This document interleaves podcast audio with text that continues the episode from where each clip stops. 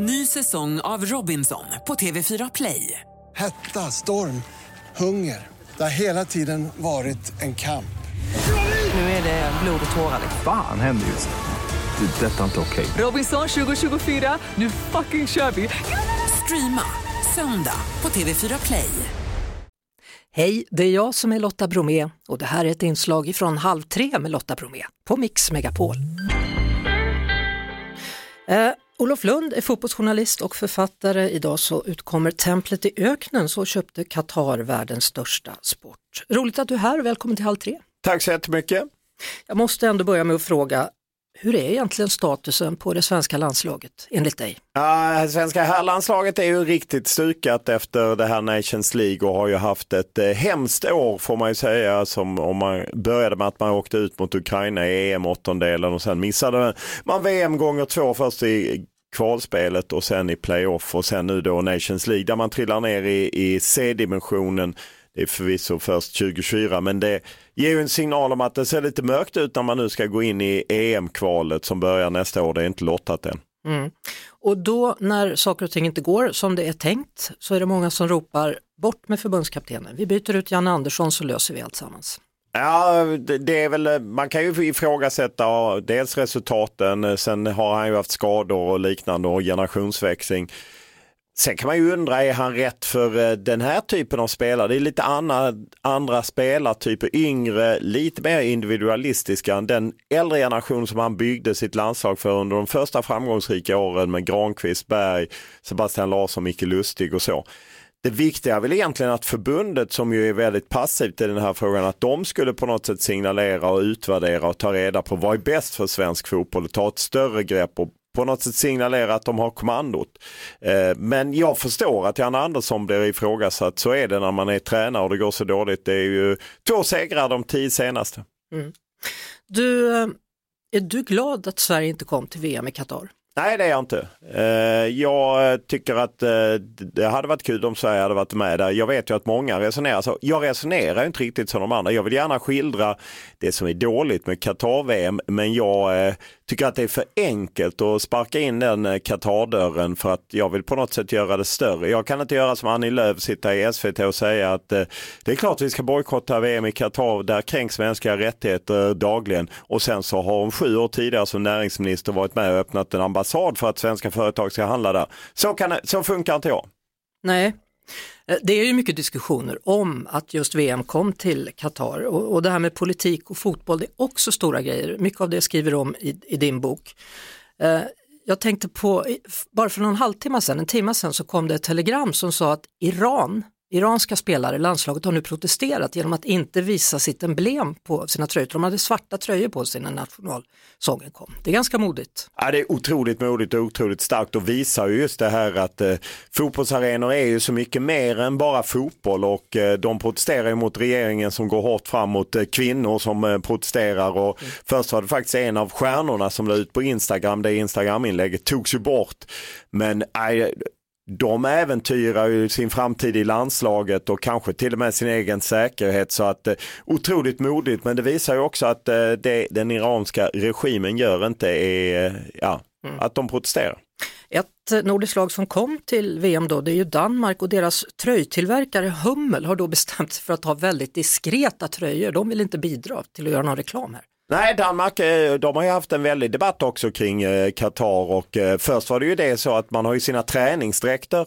Där sa ju sponsorerna att vi upplåter den ytan till budskap om mänskliga rättigheter och liknande. Sen på matchdräkten är ju Fifa noga med att man inte får ha några några politiska budskap, då är det ju rätt coolt av Hummel att de gör svart, rött eller vitt. Ja, jag tycker det, ja, det är snyggt att man försöker göra något, att man försöker markera och det pratas ju om att spela med regnbågsfärg bindel, vilket ju kan vara känsligt i Qatar där homosexualitet är förbjudet. Jag läser på baksidan av din nya bok då, Olof.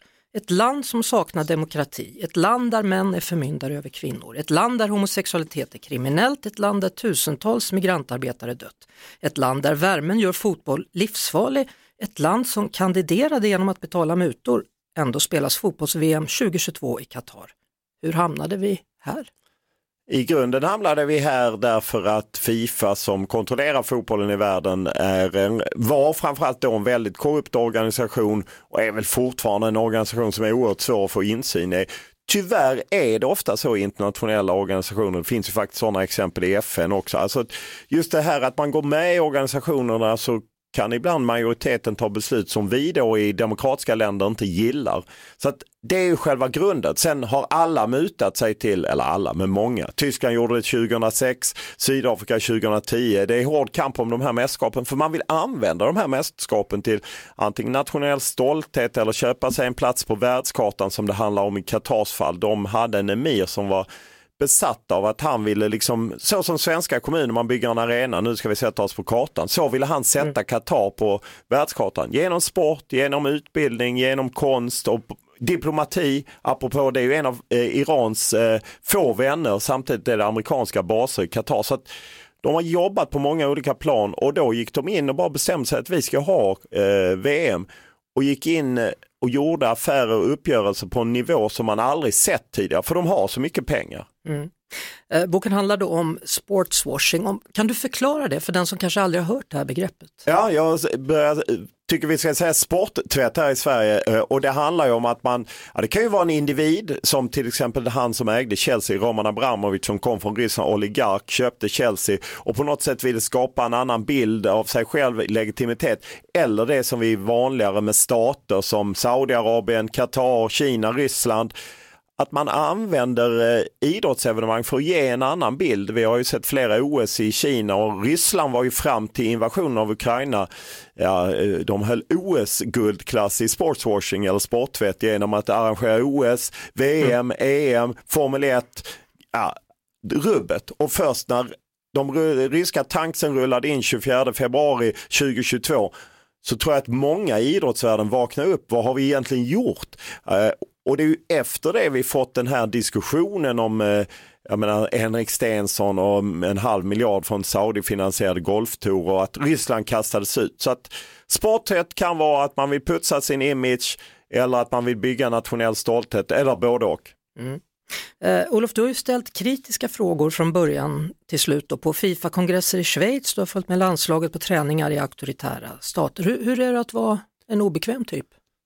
Uh, nej, men det kan ju vara i, i fotbollsvärlden så kanske det inte alltid är, är välkommet. Det är kanske inte välkommet i någon värld men det är fotbollsvärlden jag känner till bäst och det är klart att det kan bli uh, spänd stämning. Ja, I boken så tar jag med folk när jag träffar eh, till när jag träffar Nasser Al-Khater till exempel VM-generalen som jag gjorde på och, när jag var där och gjorde jobb för TV4 eller och det är klart att man ibland blir, de blir irriterade på en. Jag lyfter även fram i boken när jag träffade danske stormålvakten Peter Schmeichel som var där på någon ceremoni. Eh, Qatar lyckades kombinera ett Formel 1-lopp på, på dagen och sen så hade de en nedräkningsklocka på kvällen och flugit in massa celebriteter. Och det är klart Peter Schmeichel blev väldigt arg på mig när jag ställde frågor om han har han som ambassadör då eller han var där liksom bara för den ceremonin. Han är inte ambassadör, det är noga att säga.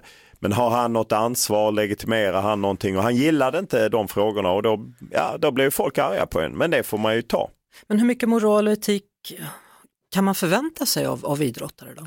Nej, men jag tycker att vi måste kunna ställa frågorna till dem. Att, eh, framförallt om man bara åker dit och, eller om man som David Beckham bara är ambassadör, tar emot en massa pengar för att bara prata om hur fantastiskt Qatar är.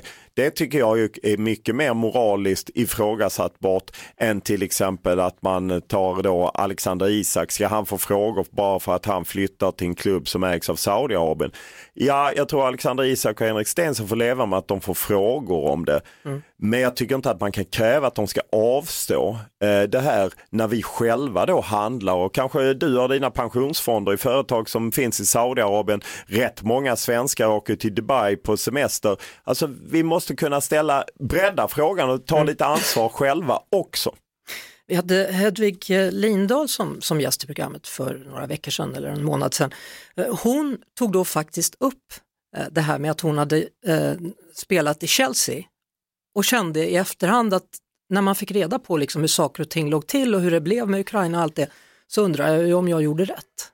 Men hon förstod inte det förrän efteråt, liksom när allting exploderade. Nej, och det är ju kanske det största med när jag skrev boken, att jag såg ett mönster som jag inte såg under resans gång och jag är ju kritisk mot oss journalister att vi har varit naiva och så. Och jag förstår Hedvig Lindahl för jag, även i boken så tar jag ju det här om sporttvätt, att just damfotboll har lite gått under radarn. Det är ju en ironi att liksom Manchester City som ägs av Emiratet Abu Dhabi, de får ju beröm på social, eller för att de på sociala medier packar ihop Eh, damlaget och herrlaget. Det är liksom en och samma klubb. Det är fascinerande att de lyfter damer så, så kan man åka ner och fråga hur kvinnor har det i Förenade Arabemiraten. Ja, de har ju begränsad frihet jämfört med i Manchester. Så att jag förstår att Hedvig Lindahl eh, tvekar, men det är också svårnavigerat.